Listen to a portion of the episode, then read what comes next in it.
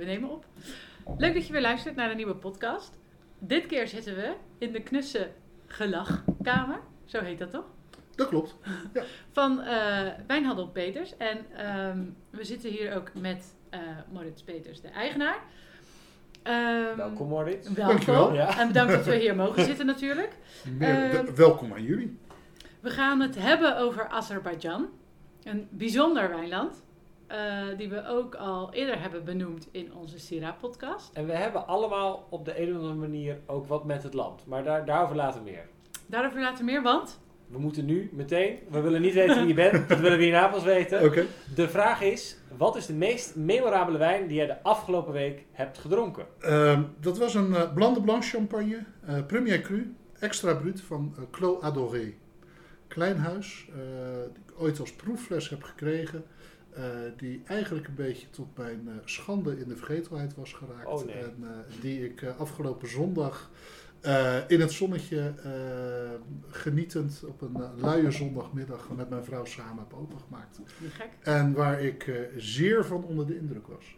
Van de kwaliteit. De zuiverheid en het eh, ja, geweldige En fruit. met champagne vind ik vaak ook wel, wie vergeet, die heeft wat. Nee, dat klopt zeker. Ja. Dat Ja. klopt zeker. Ja. Dan wordt zelfs het Absoluut. moment nog lekker. Ja, dat wordt zelfs het moment nog lekker. Ja. De wonderen zijn de wereld nog niet uit.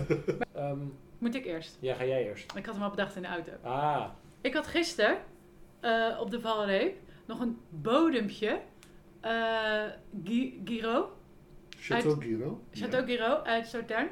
Ik had nog, want het stond al best wel lang op de Coravin. Ehm maar eh, Rianne kwam eten.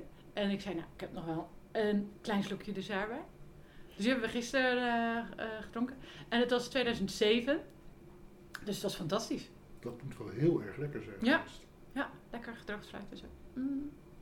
Dat was mijn dat- wijn van de week. Ja, de- ik heb hem ook nog wel. En dat is, nog, eh, dat is de eerste vintage van eh Mathieu Kaufman van Von Boel.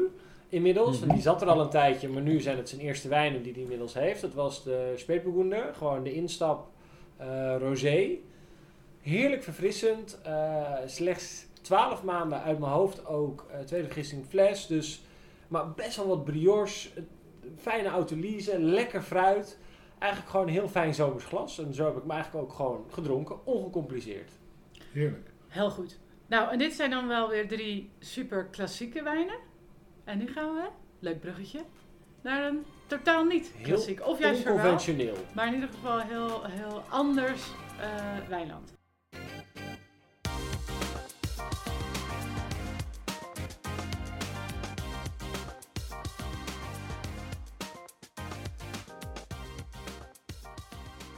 Is het nou nieuwe wereld of is het oude wereld? Het is eigenlijk de oudste wereld. Ja, De eerste, eh, nee, toen ik ooit, zo'n pak een beetje 30 jaar geleden, mijn eh, wijnopleidingen gevolgd heb, heb ik altijd geleerd dat de herkomst van gecultiveerde wijnbouw in eh, het gebied wat wij nu kennen als Irak en Iran, Mesopotamië, tussen de Tigris en de Eufraat, twee rivieren.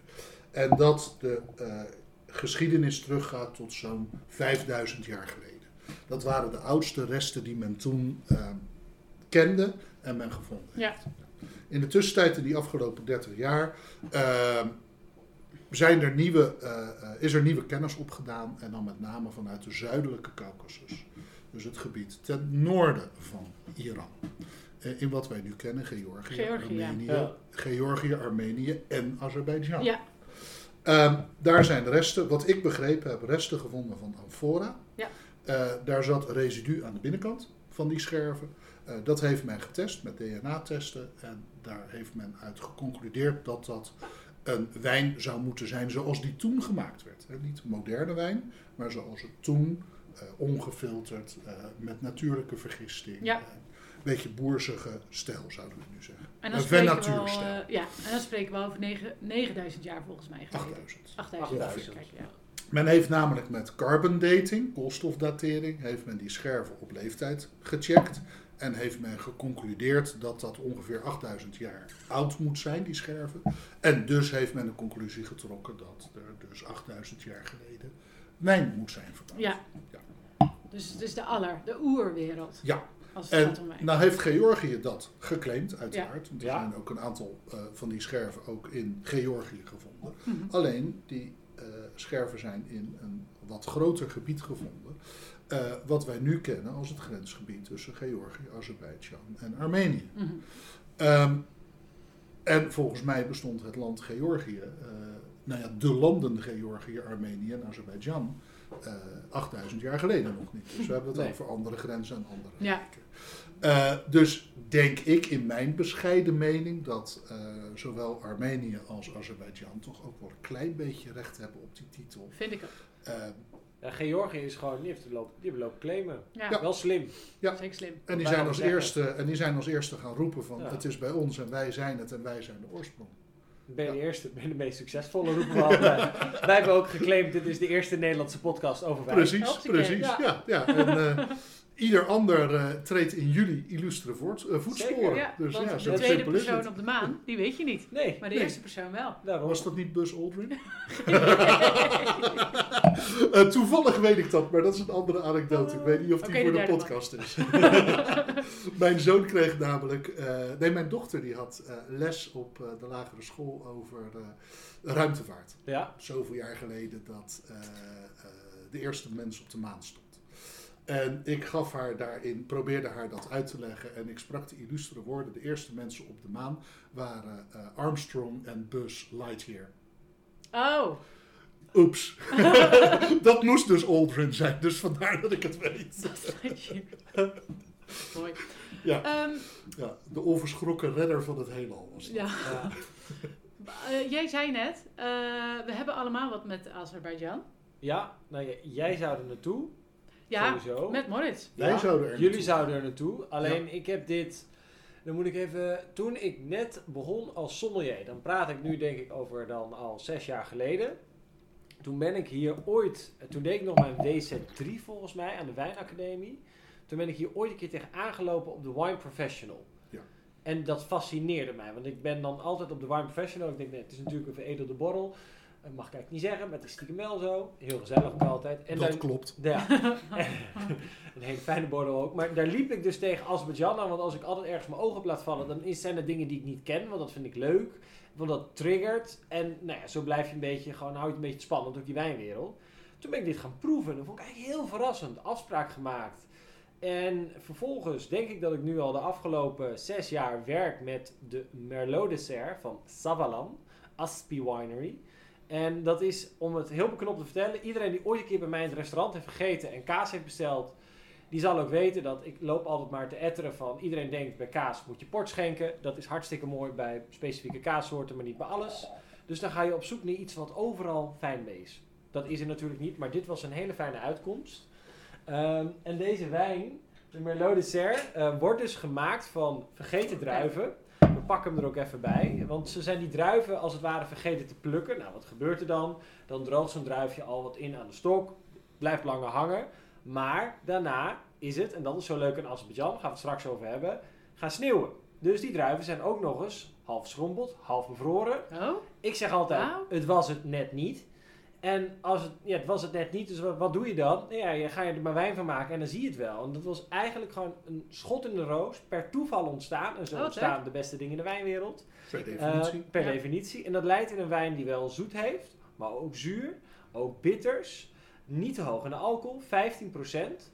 En daardoor, als het ware, fors rood, met zoet, maar bijzonder gebalanceerd. Mhm. En in de neus, dat vergeet ik ook nooit meer. Een collega sommelier die zei toen, ik ruik rabarber. Toen zei ik, dat snap ik, maar wel rabarber met crème de cassis. Want dat moet natuurlijk drank doen, maar dat is lekker. Ehm, en dit, zo ben ik een beetje in Azerbeidzjan gerold. En eh, fascinerend. ja, leuk. Nou, ik ben al verkocht En dit verhaal, hè? van dit verhaal. Ja, ik moet En, ook altijd eh, voor mensen dit verhaal vertellen aan tafel. Ja, dat is top. Ja, En die waxcapsule vind ik ook altijd te gek hoor. Ja. Ik gek op. We kunnen dadelijk wel even een proefnotitie maken. Mm, Live. staan we niet af. dat is natuurlijk wel heel tof. Dat is heel leuk. Eh, ik ben er in aanraking mee gekomen door een, een, inmiddels mag ik zeggen, goede vriend van mij, Roma Samadov. En eh, Roma is eh, agent voor Savalan en hij woont en hij werkt hier in Rotterdam. Is een Azeri, dus hij komt uit Azerbeidzjan en hij werkt, dat is eigenlijk zijn primaire werk, voor eh, de overheid van Azerbeidzjan eh, bij het Europees Parlement. Oh, Daarentegen werkt hij ook nog eh, twee dagen in de week eh, voor de lol tussen haakjes voor Savalan. En hij verkoopt de wijnen van Savalan in, in Rotterdam en omstreken. En, ja, ik heb hem leren kennen. Hij kwam binnen bij mij in de winkel van joh, ik kom uit Azerbeidzjan, wij maken mooie wijnen. Zou je dat een keer willen proeven? Ik zeg, nou ja, dat komt me nu even niet uit. Het was in november geloof ik ergens een keer. Zeg maar, eh, we kunnen altijd in het nieuwe jaar een afspraak maken. Dan kunnen we wel even kijken. Ik net als jij, ja, weet je. Je bent, zijn- je, je bent getriggerd door getriggerd. iets dat je niet kent. Ja, Eh, en dat is juist wat het zo ongelooflijk leuk en interessant maakt. Eh, vervolgens heeft hij ehm, eh, een prijslijst gegeven. Van joh, dit zijn de wijnen die we hebben. Ja, daar zag ik een paar dingen op. Ik zeg, nou, als je wat wil afgeven. En hij wilde wat afgeven om te laten proeven. Ik zeg, als je wat wil afgeven. Voor mij zijn er twee dingen waarin ik duidelijk en gelijk kan herkennen of, een, of je wijnmaker goed is. Geef mij de Petit Verdot en geef mij de Viognier. Ja. waarom? Eh Viognier is heel afhankelijk van Ja, die is heel moeilijk klimaat. natuurlijk. Is heel moeilijk te Moeilijk. maken. En moet het echt hebben van zijn zuren. Ehm, en moet het dus niet te warm hebben. Daarentegen werkt de Petit Verdot juist andersom. Daar moet je het niet te koel hebben. Want Ja. als je Petit Verdot vaak proeft... eh, nee, laat ik beginnen. Als je Viognier proeft die te warm is... dan wordt het log en lomp Ja. en dan mist Ja. het zuur Geen en dan mist het het- frisheid. Hele saaie. Hele saaie. Dus nieuwe wereld, eh, wij gaan wat proberen en wij gaan Viognier maken. Eh, dat is dat een druif waar je gelijk mee, als je het niet kan, gelijk mee door de mand valt. Ja. Daarentegen Petit Verdot, klein druifje die we kennen uit Bordeaux en waar Ja. die vaak in, ehm, sorry even voor het geluid, het Nou, geluidseffect. fijne geluiden zijn dit altijd Ja. hoor. Ehm, juist Petit Verdot heeft weer warmte nodig. Ehm, omdat Petit Verdot moet je rijp hebben. Als Petit Ja. Verdot niet rijp is, eh, dan kom je voor mij aan een van de meest onprettige smaken in een wijn en geuren. En dat is groene paprika. Ja. En zeker met een rode wijn en Cabernet Franc en Petit Verdot zijn er twee voorbeelden van die dat in extreme kunnen hebben. Ja. Als ze niet rijp zijn, Ja. dan krijg je groene paprika. Ik weet ook nog bij ehm eh Daisy Seychelles, bij eh Anglude, Ja. waar liepen we door de wijngaard. En zij had eh, ook Petit Verdot, maar ze zei, dit is echt de diva. Ja. Eh, want als, als het rijp is en we zijn te laat met plukken, dan is het alweer overrijp. Je hebt een heel moet klein ook- window om Nee, zeg maar te plukken, klopt, toch? hele Ja. smal. Heel je smal. moet eh, binnen Absoluut. drie dagen of zo plukken, want anders ben je juist weer te laat. Ja, dus je, je wijngaardbeheer moet daarin ongelooflijk goed zijn. Dus je het is een hele, ja, het is eigenlijk, twee, de Viognier en Ja, de zijn Verdot zijn twee hele, hele moeilijke moeilijke druiven. Ja. Nou ja, die fles heb ik mee naar huis genomen en die heb ik thuis opengemaakt. En die vielen mij op. Een Viognier met zuren Ja, en een Petit Verdot zonder groene paprika. Ja, die Petit Verdot is echt is, die is speciaal hoor. Echt goed. Echt serieus lekker. Violet, zeg maar. Ja, Het enige andere waar ik Petit Verdot ken als monocepage is niet uit Frankrijk, want daar kennen we hem uit Bordeaux, maar uit Spanje. ja ken ik ook alleen Oh ja. maar. Maar daar is die veel logger en veel voller Veel en veel alcohol. rijker, veel alcoholischer. Want dan komt hij vaak uit Tierra di Castilla en omgeving. En dat heeft deze juist niet. Deze heeft hele mooie frisheid, mooie zuren, maar wel rijp. Gemaakt van rijpe druiven, fenolisch rijpe druiven. nou dat is dan weer een leuk bruggetje naar het klimaat. Ja. Want eh, hoe kan het dat dus Viognier, zo'n moeilijke druif, dan wel, eh, ja, toch met die zuren... eh, Hoogte. Ja. Hoogte. We zitten in de uitlopers van de Caucasus. We Ja. zitten tussen de Zwarte Zee en de Kaspische Zee. Savalan heeft eh, behoorlijk groot wijngaardarsenaal. Eh zij zijn in, dacht ik, 2000, 2006, in die periode zijn zij gaan aanplanten. En zij hebben inmiddels 350 hectare. Gigantisch. Dat is net zoveel als praktisch in heel Nederland. Dus zo, ja, Ja. Plukje, ja. Ja. Nederland heeft net iets meer, maar Ja, dan praten we over één land. Nederland vijf jaar geleden, Ja, bij wijze van ja, spreken. Ja, echt. ja, ja. Om Ja. het even in perspectief te schetsen. Ik, Nederland vijf jaar geleden was ongeveer 350 hectare, zoiets. Ehm, maar als je kijkt naar eh, de locatie, en zij zijn gevestigd net buiten Gabala. En Gabala ligt in de, ja, de heuvels Gabala. voor de Caucasus. En, en Eh, hoe, ver, hoe ver is dat dan van de hoofdstad? Dat is ongeveer drie uur met de auto Oh ja, wat was ook weer de hoofdstad? Baku? Ja. Been there, done that.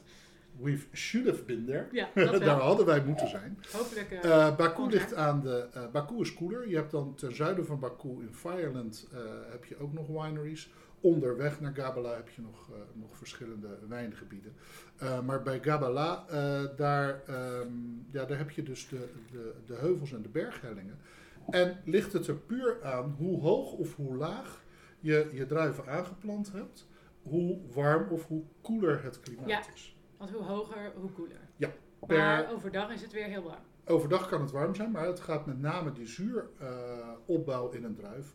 Gaat niet zozeer over de hoog, hoogste dagtemperatuur, maar het gaat over het verschil tussen dag- en nachttemperatuur. Ja. Dus hoe groter dat verschil is tussen je maximale dagtemperatuur en je minimale nachttemperatuur, ehm, dat verschil bepaalt hoe je zuren aangemaakt worden. En niet zozeer of het heel warm overdag is, maar juist hoe koel is het Ja. s'nachts. In de cursus leg ik, of, eh, eh, zeg ik dan altijd van de druiven nemen even pauze. Ze kunnen Ja. eventjes resetten en Ja. op adem komen. En, en dus eh behoudt dat die, die zuren. Eh, maar hoe hoog zijn de wijngaarden ongeveer? Hoeveel, eh, Het loopt tot 650 meter uit mijn hoofd Oh ja. gezegd. En dan hebben we eh, deze twee druiven die je, die je daar ziet. Maar eh, dat zijn niet de enige. Want eh Nee, Sauerland heeft heel veel. Ja, ik heb, ik heb ze ooit proberen te tellen en ik ben het tel kwijtgeraakt. Ik, eh, ik zat volgens eh, mij Voor rond- Savalan of voor... Voor heel- Savalan. Ja, Nee, voor Savalan. ja. En Savalan probeert, produceert, sorry ik zeg het verkeerd, Savalan produceert eigenlijk alleen maar moderne Europese druiven. Ja. Ehm, en zij hebben er geloof ik iets van rond de 25. dat is echt veel. Echt veel. De meeste zijn monocepages, eh, maar je schiet daardoor heel Europa heen. Op wit Traminer, Viognier, Chardonnay, Riesling, Verdecho, hoor ik net. Verdecho, Ja. Verdecho, ja. zeker, Riesling semi-dry. Ja, Ehm, dan hebben ze op rood Alicante Bouchet. Ze hebben Petit Verdot, ze hebben Shiraz, ze hebben Marcelin Shiraz, dan gaan we naar de Languedoc. Ze hebben Cabernet Sauvignon, maar die Cabernet Sauvignon maken ze. maken we ze volgens Ripasso-principe. Dan hebben ze een special edition. Ehm, eh, die wordt helemaal volgens eh Amarone Ja. stijl gemaakt. Eh, maar ze hebben ook een Aliatico. En ze hebben ook nog, de, nog een witte, dat is, dat is, ze hebben ook die special cuvée. Moscato hebben ze. Moscato, Ja, Moscato hebben ze. Dus ze gaan alle kanten op. En, maar dat komt door de wijnmakers die overal roots eh, hebben? Of omdat Ja, ze het wijn, eh eh, Savalan is ooit opgericht door Aspi. En eh, dat is het, het moederbedrijf. Het heet ook Aspi Winery. Het moederbedrijf is Aspi Consulting. En Aspi Consulting is een technical engineering bedrijf, zoals dat heet. Dus die zitten in de technische dienstverlening. ehm, die zitten in eh, defen- defense contracting, eh, Oh, daar ja. lokaal. Eh, zij assembleren, Ja, dus zij assembleren ook, volgens mij helikopters. Dat Oh ja. soort dingen. Ja, maar dan heb je wel even wat te besteden Ja, voor je wijngaard. Dus ze hebben daar behoorlijk wat geld in die eh, wijnbouw gestopt. Het is Ja. echt het, het, ja, hoe zeg je dat? Het, het, het eh, speeltje wil ik niet zeggen, want ze pakken het wel echt serieus aan. ja, maar, maar toch. het is de uit de hand gelopen hobby Ja. van de eigenaren van Aspi Winery. Van Eh, 350. maar dat bedoel ik op een zeer positieve manier, want ze hebben het zeer professioneel Ja. opgezet. Het wordt zeer professioneel geleid. Eh, er wordt niet ingeboet aan kwaliteit. Ehm, en men heeft gewoon echt het beste voor ogen. En men wilde ook gewoon serieus geld mee verdienen. Ja. Hè, dus het is niet een hobbytje wat er maar bij gedaan wordt. Nee, het wordt echt wel serieus aangepakt. Ja, nou ja, en het is natuurlijk, ik vind het dus ook alweer bijzonder om te horen en te merken dat dat klimaat dan toch geschikt is. Want je denkt natuurlijk dat het veel te warm is in.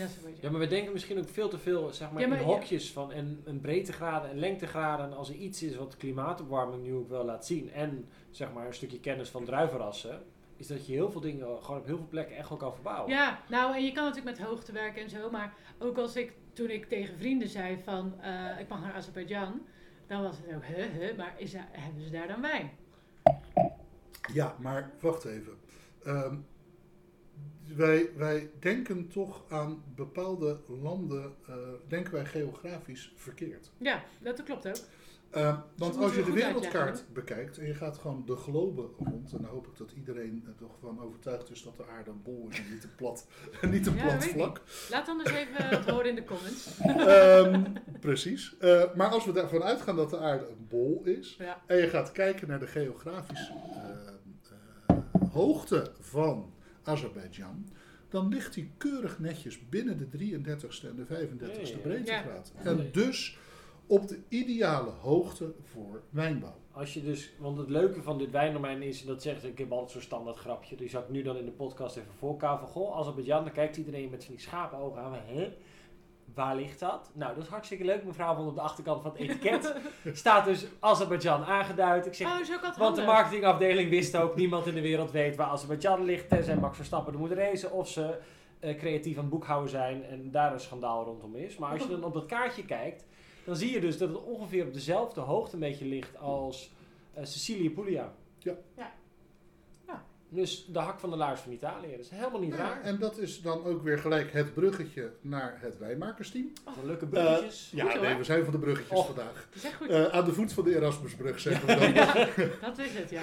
zijn in Rotterdam, hè? Daarom, Ja, daarom, daarom. Ehm, nee, eh Aspi heeft een volledig Italiaans eh, wijnmakersteam en wijnmanagementteam. Eh, ze hebben wijnmaker en assistent wijnmaker vliegen zij in vanuit Italië. Die zijn bij hun in dienst. Maar ook het wijngaardbeheer. Dus de hele keten, van eh, de plant tot aan de fles. eh, daar hebben zij gewoon een zeer goed en professioneel van oorsprong Italiaans team op zitten. Dat is ook de reden waarom dat team daar gaan uitzoeken is hoe ze ook in Italiaanse stijl wijnen kunnen maken. Dus daar zie je de, die Italiaanse invloeden in, in bijvoorbeeld een Aliatico, eh, maar ook bijvoorbeeld in Alicante en in en En, eh, andere druiven die zij gebruiken. Ripasso en Amarone methode. En de Cabernet Sauvignon die Ja. zij volgens Ripasso-methode maken en de Special Edition die zij volgens Amarone-principe maken. Ja. En ehm, die Aliatico, wat, wel- waar komt dat ook alweer vandaan? Noord-Italië. Oh ja. Dat is dat lichte zoetje.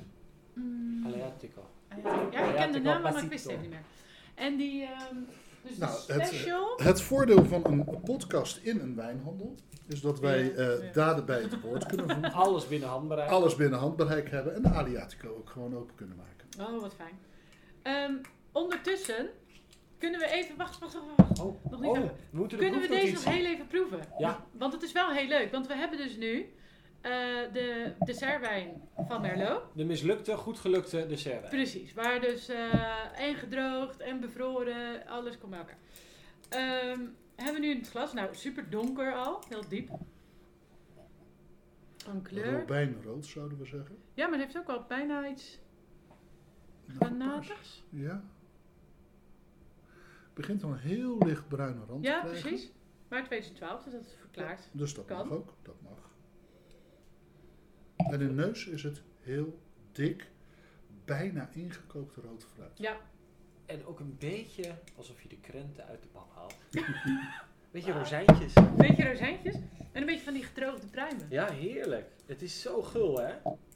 Maar mooi zuur. Oh, dat mooie nek moet niet op de zaken vooruit lopen. Ja, en ook nog iets van tannines. Ja, natuurlijk, het is een maar ook wel een beetje, ehm, klein beetje drogend, wat, wat juist wel lekker balanceert met dat zoetje. Een intrigerend samenspel tussen zoet, zuur en bitters. Mm. Alsof je letterlijk de krenten uit de pap haalt en aardbeienjam aan het maken bent. Dus sta je zo aan tafel. Nou ja, zo zou het bijna wel kunnen. ja. Ja, je moet straks toch wat als de coronacrisis voorbij is. Dan, dan, gaan, we dan gaan we gedichten voorlezen over wijn aan tafel. Ja, dan wordt het poëtisch. Nee, maar wijn is altijd wel poëtisch. Ja, je kan een hele mooie... Ja, Je kent het oude gezegd, hè? Ik ben heel slecht van de oude, met de oude gezegd. Wine is bottled poetry. Ja, ja. nee, die kennen we wel. Prachtig. Moet misschien ook op een kaartje. Ja. Heb ik alleen niet zelf verzonnen dan. Zet je de puntjes tussen. Ja. Of, eh, ja, Ruma. En dan, ja, dan Doe zeg je, dan doe- maak je het gelijk Oh, dan goed jat je het gewoon. Ja, Ja joh, zet je de puntjes tussen, vraag je er 30 euro voor. Ik wil wel vergeren als het goede doel. Everything happens for a reason. Yes. Nee, maar dit is gewoon een heel tof glas. Ja. Mhm. Dit is echt, dit, dit, dit, dit wil je. Ja. Krenten, rozijnen, frambozen, aardbeien, bosbessen. Heel veel fruit. Zuren zitten erin, ja, maar zijn heel mooi geïntegreerd Ja. en heel mooi ingepakt. Het is dus niet een wijn die een hele frisse afdronk heeft. Nee, maar door een beetje dat droge eh, vind ik dat wel weer mooi in balans met, met de, de, het is niet zo overdadig zoet. Nee, klopt, maar ik probeer het te benadrukken, omdat ik denk dat het op een podcast misschien anders niet Ja. echt duidelijk Ja. komt. Dat Ja. je dan als luisteraar verwacht dat je juist dan een hele frisse witte wijn heeft. Ehm, dat zal de meeste ook niet gegeven zijn, maar waar mij dit aan doet denken is rode eh, ijswijnen uit Canada. Oh, Hm? ja. Ja, Ook Cabernet. Franc. Cabernet Franc, Ja. eh, Merlot, eh, Pinot Noir Ja. ijswijnen rond Whistler uit die omgeving. Ehm, die hebben een vergelijkbaar karakter als dit. Alleen daar is de nachtvorst hoger en, Ja. en kouder. En daar krijg je dus net even die hogere piek in die zuren. Ja, en die zijn die iets meer prominent aanwezig en iets meer, ehm, eh, iets meer ja, op de voorgrond. Ja, en En, daar meer zitten misschien en, eh, en duurder. zeker duurder. Eh, sowieso beduidend duurder. Goh, Ja. dat maar is, daar heb je denk ik ook minder dat van. rozijntjes Ja. in. Ik weet in de afgelopen jaren dat de Canadese ijswijnen verkocht men de prijsverhogingen opving door het flesje steeds kleiner te Ja. Het is wel slim. ja, Ja. want ik heb wel eens Ja. een eentje gekregen. Toen was een vriend daar eh, geweest. En dat was gewoon zo'n ja, één glas, zeg maar. Ja, nou, ik begon op mini-flesje. 50 centiliter, dat werd vervolgens 37,5 centiliter, dat werd vervolgens 20 centiliter en ik ben geëindigd met 10. Oh. Of 18, nee, wat was het? 18 geloof ik. Zo, En dan, hoeveel kostte dat dan? Dat was nog steeds dezelfde prijs, 47,95. Het is toch knap. Kijk, Ja. en dat is de oplichterij van de reinste. Nou ja, nou, het is echt. Nou, Nou ja, ja, ja het, het, het vloeibare goud werd toch steeds meer goud. Ja, letterlijk. letterlijk. letterlijk. Ja. Ehm, ja, dan is het wel leuk om ook even naar de Italiaanse roots te kijken. En zal ik voor jullie de Adriatico inschenken.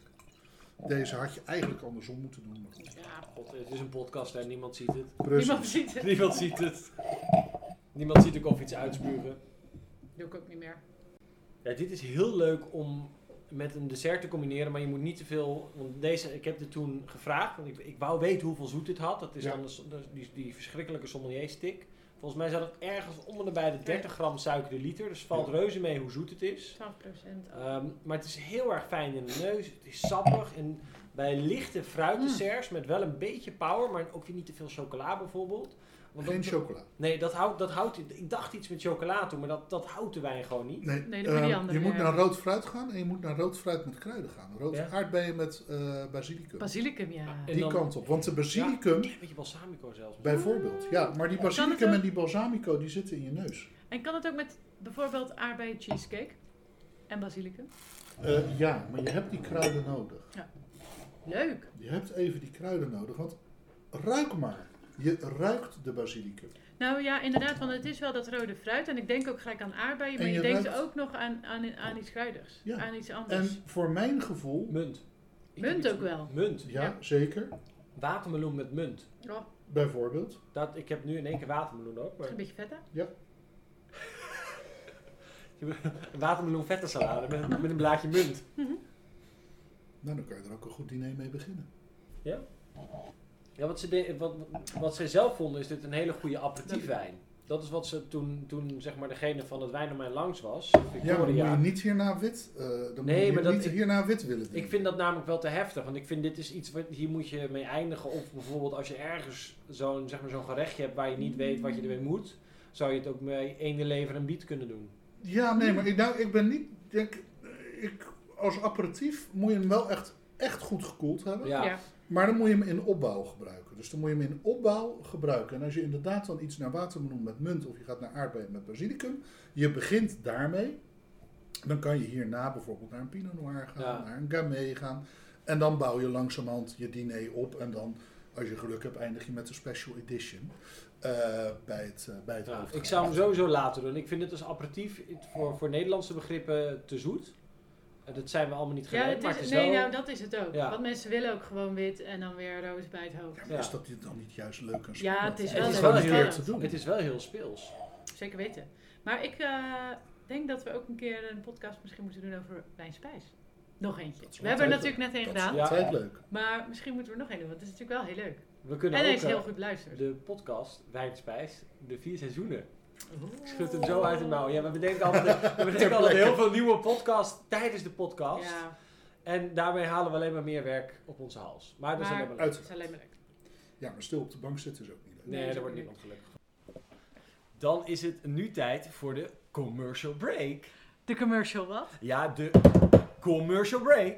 Schaamteloze zelfpromotie, want Le Club heeft iets leuks. Ja, Nadine, talk wine nerdy to me. Ik fleurie helemaal op van jou. Of je gevoelslust. I like Jura and I cannot lie. Tof dit. Kan ik dit ergens kopen? Oh ja, my sincere apologies. Dat kan inderdaad in de fanshop, Le Club Shop voor wijnfans. Ik zet een linkje in de show notes. Dit zijn de allerleukste wijnkaarten gewoon ter wereld. Het is Absoluut. amazing. Het is amazing. Hip hip. Fouvray! De, welke wijnen heb je? Ja, ik heb de Riesling, ik heb de Viognier, ik heb de Traminer, dat is de semi-dry. Ik heb de ehm Verdecho, ik heb de Chardonnay. Dan heb ik de Aliatico, ik heb de Marcelon Syrah, de Syrah. De Alicante de Petit Verdot en de Cabernet Sauvignon. En dan de Special Cuvée en de eh, Merlot Dolce. En die Amarone van welke druif is die? Dat is een blend, dat zou ik even Want het is niet eh, eh, Cor- Corvina, zeg maar. Het, is Nee, niet, nee, eh, nee, het zijn nee. niet die druiven. En dan maken ze dus nog een ripasso, ook van een blend. Nee, de Ripasso-stijl is 100% Cabernet Sauvignon. De eh, Special Edition is een blend, maar dat moet ik heel even Maar opzoeken. sowieso Chiran in de hoofdrol, toch? Dat is sowieso de hoofdmoot. Ja. Maar, maar, en waar komen die druiven dan vandaan voor die ripasso? Van hun beste en oudste wijngaarden. Ja, maar ik bedoel, ripasso is toch eh, de druiven van... ehm, Nee, het is Eh, Ripasso-stijl. ah, Ja. En Amarone-stijl.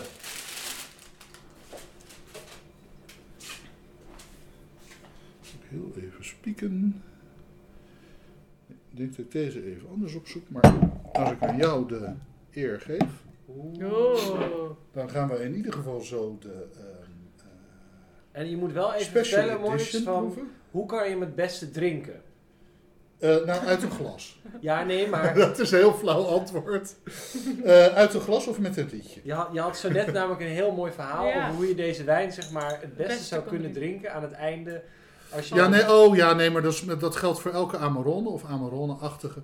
Eh, je moet een groot glas inschenken, dan moet je op het randje van je bed gaan zitten. En terwijl je drinkt, samen met je glas rustig en langzaam in één vloeiende beweging achterover laten dat is best. En zo was wijn drinken nooit meer hetzelfde. Nee. Precies. Eh, ik ga even in de tussentijd, want dat zien jullie toch niet, eh, Zo leuk. de factsheets opzoeken van de Special Edition. Dan zoeken wij alvast het randje van ons bed op. ja. Heerlijk. Dank u. Ja, en ik herinner me ook nog van eh, de eh, reis, zeg maar, Ja. waar, of in ieder geval het plan van de reis. ik voor mijn gevoel was ik er al. Eh, de eeuwig brandende berg. Klopt. Wat was dat ook alweer? Even terugkomend, even 2 voor 12. Ik eh, doe nu even aan het belletje Ja, ja? ja, maar je hebt het Eh, antwoord ik heb het antwoord namelijk. Ehm, het is 100% Shiraz, de Special Edition. De Limited Edition is een blend. Ah, Daar zat ik even mee ja. mis. Eh, nee, de reis ehm, die ik had samengesteld samen met eh, mijn goede vriend Roma Samadov. ehm, had jullie eh, een beetje in vogelvlucht Azerbeidzjan laten zien. Dus we hadden ingevlogen in Baku. Dan hadden we de geschiedenis van Baku eh, ehm, ontdekt. We hadden een stadstour gehad. Eh, die gaan we trouwens nog steeds doen, want dat staat nog steeds in de pijplijn. We hadden een stadstour gehad door de oude vesting. Dus de, de pre-islamitische eh, gedeelte van de stad. Ehm, de strook er omheen vanuit de 19e eeuw gebouwd met de eerste oliegeld. Toen zij kort nog zelfstandig waren. en nog onderdeel waren van het Russische Rijk. Mhm. Ehm, daarna zie je de ring aan eh, communistische eh, bouwwerken, dus de, de, de kille eh recht toe recht aan betonblokken. En vervolgens het moderne eh, Azerbeidzjan en het moderne Baku met de Flame Towers, met het Alijev Center, met de moderne architectuur. lijkt me een heel interessant land. Ja, Zeer. Zeer, zeer. Het is, het is een islamitisch land, Eh, ja. Eh, maar het is ook, eh, als je kijkt naar de lijstjes van eh, de UN, van de Verenigde Naties, nummer 13 eh, ter wereld aan landen die het meest athe- atheïstisch zijn. Dus ze zijn absoluut seculair. Ik liep daar rond door Baku op een donderdagavond en het was denk ik een uurtje of elf. En daar liepen twee dames in Nihab eh, met de duurste en nieuwste ehm, Gucci sneakers op hun nieuwste iPhone eh, 10 of 11 eh, vrolijk te, eh, te beppen met elkaar en, eh, en eh, te whatsappen of te Instagrammen of ik weet niet wat ze aan het doen waren. Eh 100 meter daarachter liepen twee mannen eh, zeer liefkozend hand in hand.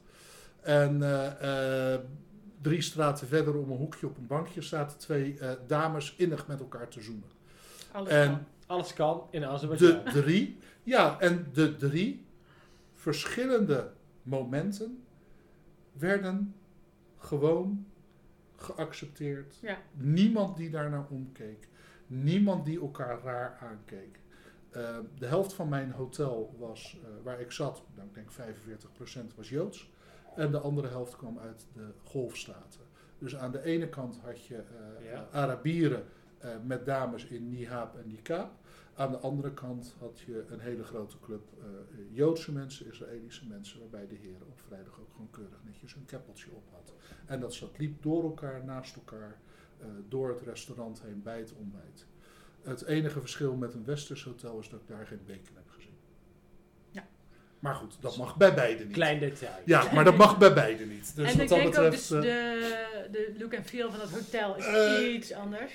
Was wat meer, ja, wat meer richting Dubai, eh, Emiraten. Ja. Weet je, het, het is wat meer Groots, marmer. groots, wit, marmer, Ja, eh, maar heel strak en super schoon. Ja, En, Ja. en ook echt ongelooflijk vriendelijk. ja, de gastvrijheid, daar kunnen we soms nog wat van leren Is hoor. bizar. Ja. Is echt Ja. waanzinnig. Eh, daarna hadden we inderdaad naar het zuiden afgereisd. Hadden we naar de Firelands gegaan. Ehm, en daar hadden we de Flaming Mountain bezocht. De Flaming Mountain. Flaming Mountain. Flaming de Mountain, ja, ik ben nu- ik is wel UNESCO, UNESCO Ja, staat altijd in brand. Staat altijd in de brand. Ze hebben daar zoveel olie. Ze hebben geloof ik vier, de vierde of vijfde olievoorraad ter wereld. Ja. Ehm, maar er zit daar zoveel eh, LNG, natural, eh, een, een natuurlijk gas, aardgas, in de grond. eh, en dat zit redelijk aan de oppervlakte. Daar is duizend jaar geleden, blijkbaar wat ik begrepen heb, door een herder of door, op de een of andere manier, eh, is daar een vuurtje gemaakt. Eh, gas komt uit de grond, dat gas is gaan branden en dat brandt nog steeds. Eh, dus dat is een van ja, de belangrijke toeristische plekken, eh, maar zeker mooi. Ja. Om de eeuwige vlam uit de grond te zien. Ja, dat is mooi. Ehm, even terug, dan hadden we doorgereden en dan hadden we naar een aantal andere wijnhuizen gegaan. We hadden naar Lahik gegaan, een heel klein, leuk, authentiek dorpje in de Caucasus. Eh, waar eh, nog op authentieke wijze koper bewerkt wordt. Dus daar hadden we onze koffiekannen en theekannen en dat soort dingen. Met name thee wordt daar gedronken. Hadden we daar eh, mee kunnen nemen als souvenir voor thuis. Leuk. En we hadden uiteraard naar Gabala gegaan, naar Savalan. Het leuke van eh ehm, Savalan en Gabala, om, uit te om aan te geven hoe cool dat is. Ehm, als je vanuit het hotel waar wij zaten, Winter Palace Hotel, naar de ene kant reizen eh, met de auto, dan komen we bij Savalan bij de winery. Als je vanuit het hotel, en dan ben je denk ik 10 minuutjes vanaf de winery. Als je vanuit het hotel de andere kant op loopt, dan loop je in 10 minuten naar de eerste beste skilift. Oké. Je kan dus al in Gabala, kan je al Ja, dat gewoon kan skiën. weer. Ja. Oh. Ja, dat verwacht je toch niet. Op skivakantie in Azerbeidzjan. Ja. Ook Waarom dat kan. niet? Ja? Ja. Alles Ja. kan in Alles, alles ruimt op Azerbeidzjan. Als eh eh, après-skiën met de Merlot Dulce. Oh ja, dat wil Och. ik. Nou, ik denk dat ik ook een, een Merlot Dulce drink voordat ik die bergen afga. ik heb Misschien één voor keer jouw geskiet. skistijl wel heel goed. Kan wel de pizzapunt. ik vind dit ook weer eh zeer nou, hij kan ook zeker goed bij een pizzapunt. Ja. Ja, nou zeker. Het is wel echt 16,5% Ja, de dat merk special je edition. natuurlijk Ja. wel. Het is Ja. echt een klap in je gezicht. Bij wat eh, drinken we dit? Of is dit een vino di meditazione? Ehm, lamsbout, Oh, hm, lekker. reerug. En dan wel met een zware saus. Ja, ja, ja, ja, zeker, absoluut. Goede, zware Volle, zware, saus. krachtig wild in het najaar. Ja. Ehm, beetje kruidkoek in die saus reduceren of Oh. zo. Dus, ja. absoluut. Flink stroperig maken, Ja. flink aanzetten. Ehm, wild sowieso. Dikke, rijke, volle pasta's. Ehm, dit met wild zwijn. ja. Lekker, bijvoorbeeld. Dus het wel. Eh, het heeft alles wat je in een Shiraz mag verwachten. Het donkere fruit, het zwarte kersen. En dan maak je ineens een stapje naar Amarone. Het zoete en het zoete. Ja. Ja. Dit is zeg maar Shiraz zoals je het denk ik nog nooit hebt gezien. Nee. Je ruikt het pepertje. Ja, er zijn twee dingen waar ik- ja. Nou ja, er zijn twee dingen waar ik een Syrah altijd aan herken. Een grote Syrah, dat is zwarte kersen en een wit pepertje. Ja. En dat zit in de neus. Maar er zit meer bij, want die kersen worden ineens veel rijper. Je krijgt er pruimen bij, je krijgt er tabak bij. Misschien, en dat heb ik ook vaak bij Shiraz, is eh, dat, dat gamey, dat vleesachtige. En Ja. Nou, we hebben onze eh, voyage gemaakt door Azerbeidzjan. ja, virtuele tour. Eh, ook weer lekker wat wijnen geproefd. En we zetten daar weer allemaal linkjes van in de show notes. Dus, eh, en de wijn is natuurlijk verkrijgbaar bij Wijnhandel Peters. Ehm, maar dan hebben we natuurlijk nog onze andere nieuwe rubriek. En dat is de boekenhoek. Woehoe! Ik hoop dat we ook nog een jingletje daarvoor hebben. Misschien dat je zo door een boek bladert of zo. Ga ik nog opzoeken. Zoals die Willemse boekenhoekje van Erik van Muiswinkel. Hm, dat zou ik even moeten YouTube. Die moet je even YouTube.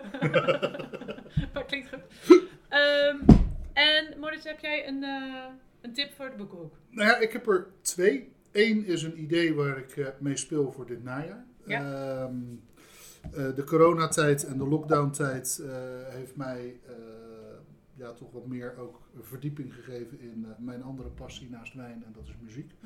Ehm, en ik heb hier voor mij The Best 100 Jazz Albums eh, van de Jazz Journal. En, ehm, ja, dat is een idee waarmee ik eh, aan het spelen ben voor dit najaar een eh, jazz- en eh, wijnproeverij eh, te gaan Superleuk. organiseren. Ja. Oh.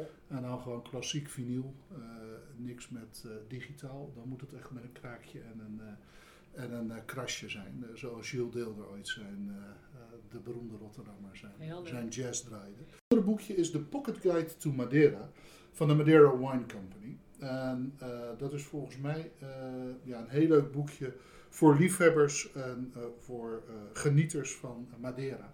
Dus een boekje waarin eh, in kort en bondig beschreven wordt hoe Madeira gemaakt wordt. wat de verschillende, de twee belangrijkste productiemethoden zijn, de druivensoorten.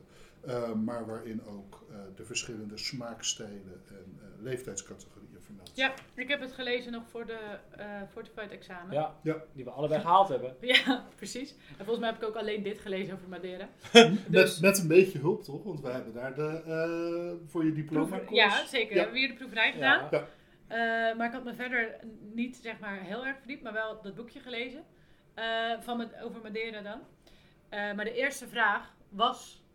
was, was over, wat ge- Het was een Madeira-vraag. ja, het ging over de wijngaard of zo. Wijngaardmanagement in Madeira, op Madeira. Oké. Auw, pittig. Maar goed, Nee, totaal niet. Nee, Nou. voor, voor mij dan. daar gaan we zeg dus... ik als de Madeira Ja, freak. want we gaan Daarom. nu over weer naar een van de vele fijne bruggetjes vandaag. Precies. Doe jij hem? Oh, mag ik hem doen? Je mag hem inkoppen. Nou, we gaan dus de volgende podcast ook weer eh, hier doen over Madeira. Ja. Ja. Eh, want daar, daar weet je alles van. En dat Eh, heb je toch ja, zeker. Nee, daar weet ik heel veel van. Ehm, ik eh, ben groot Madeira-liefhebber, eh, kenner.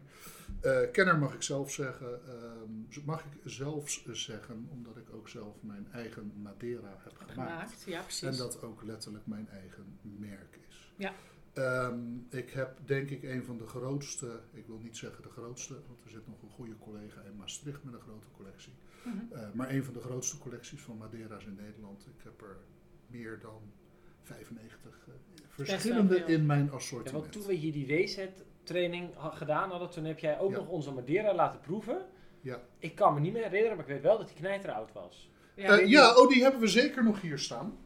Ehm, de oudste Uit fles die ik 27 of zo? opende. 1827? Nee, 1870. De oudste fles die ik open heb. En dat zijn er twee kleine restjes. Ik heb twee flessen op twee verschillende masterclasses ooit opengemaakt. En dat is de Verdelho Solera 1870. En daar ga ik nu eh, even aan Oh laten ja. ruiken. Oh. Maar daar gaan Oh. wij verder, daar gaan wij verder nog niet over Nee, praten. nee, klopt. Moeten niet 1870. 1870, ja. Toen reden wij paard. Toen reden we- Ja, wilde je iemand bellen of faxen of appen, dan moest Ja. dat nog gewoon te voet of te paard. Of met de trekschuit. Of met de koets. Eh, maar telefoons bestonden niet. Nee. Eh, verlichting was nog ouderwets op gas. Ja. Ehm, we hadden net een tijdelijke belastingmaatregel op eh, champagne ingevoerd. Oh, dat ook nog. Ja, die was Konden we toen- niet even die op Instagram toen- Die is trouwens in klappen? 2011 pas afgeschaft. Ja. Ehm, Ze hebben dat in Duitsland nog steeds, toch? Betalen ze toch het leger mee? Ja. Ja. Ehm, dus ja, een, een, een, een mooie, eh, mooie oude eh, stukje, eh, hoe zeggen we dat netjes, eh, gebottelde geschiedenis. ja, nou, bottled poetry. Wine is bottled Yes. poetry. Het is het Or history in this case. Ja. Eh, maar dat is een podcast waar jullie het graag de volgende keer over willen Ja. hebben. Gaan we En dan eh, ga ik jullie beiden, denk ik, eh, aan de hand nemen. En eh, toch beduidend meer over eh, Madeira vertellen. Ja, We nou, kijken er ontzettend Ja, naar uit. Heel erg leuk. Oké, dan was dat het weer. Bedankt voor het luisteren. En Moritz, bedankt dat we hier... eh, En we sluiten al proostend af ja, op onze volgende podcast. Proost Cheers. en tot de volgende keer.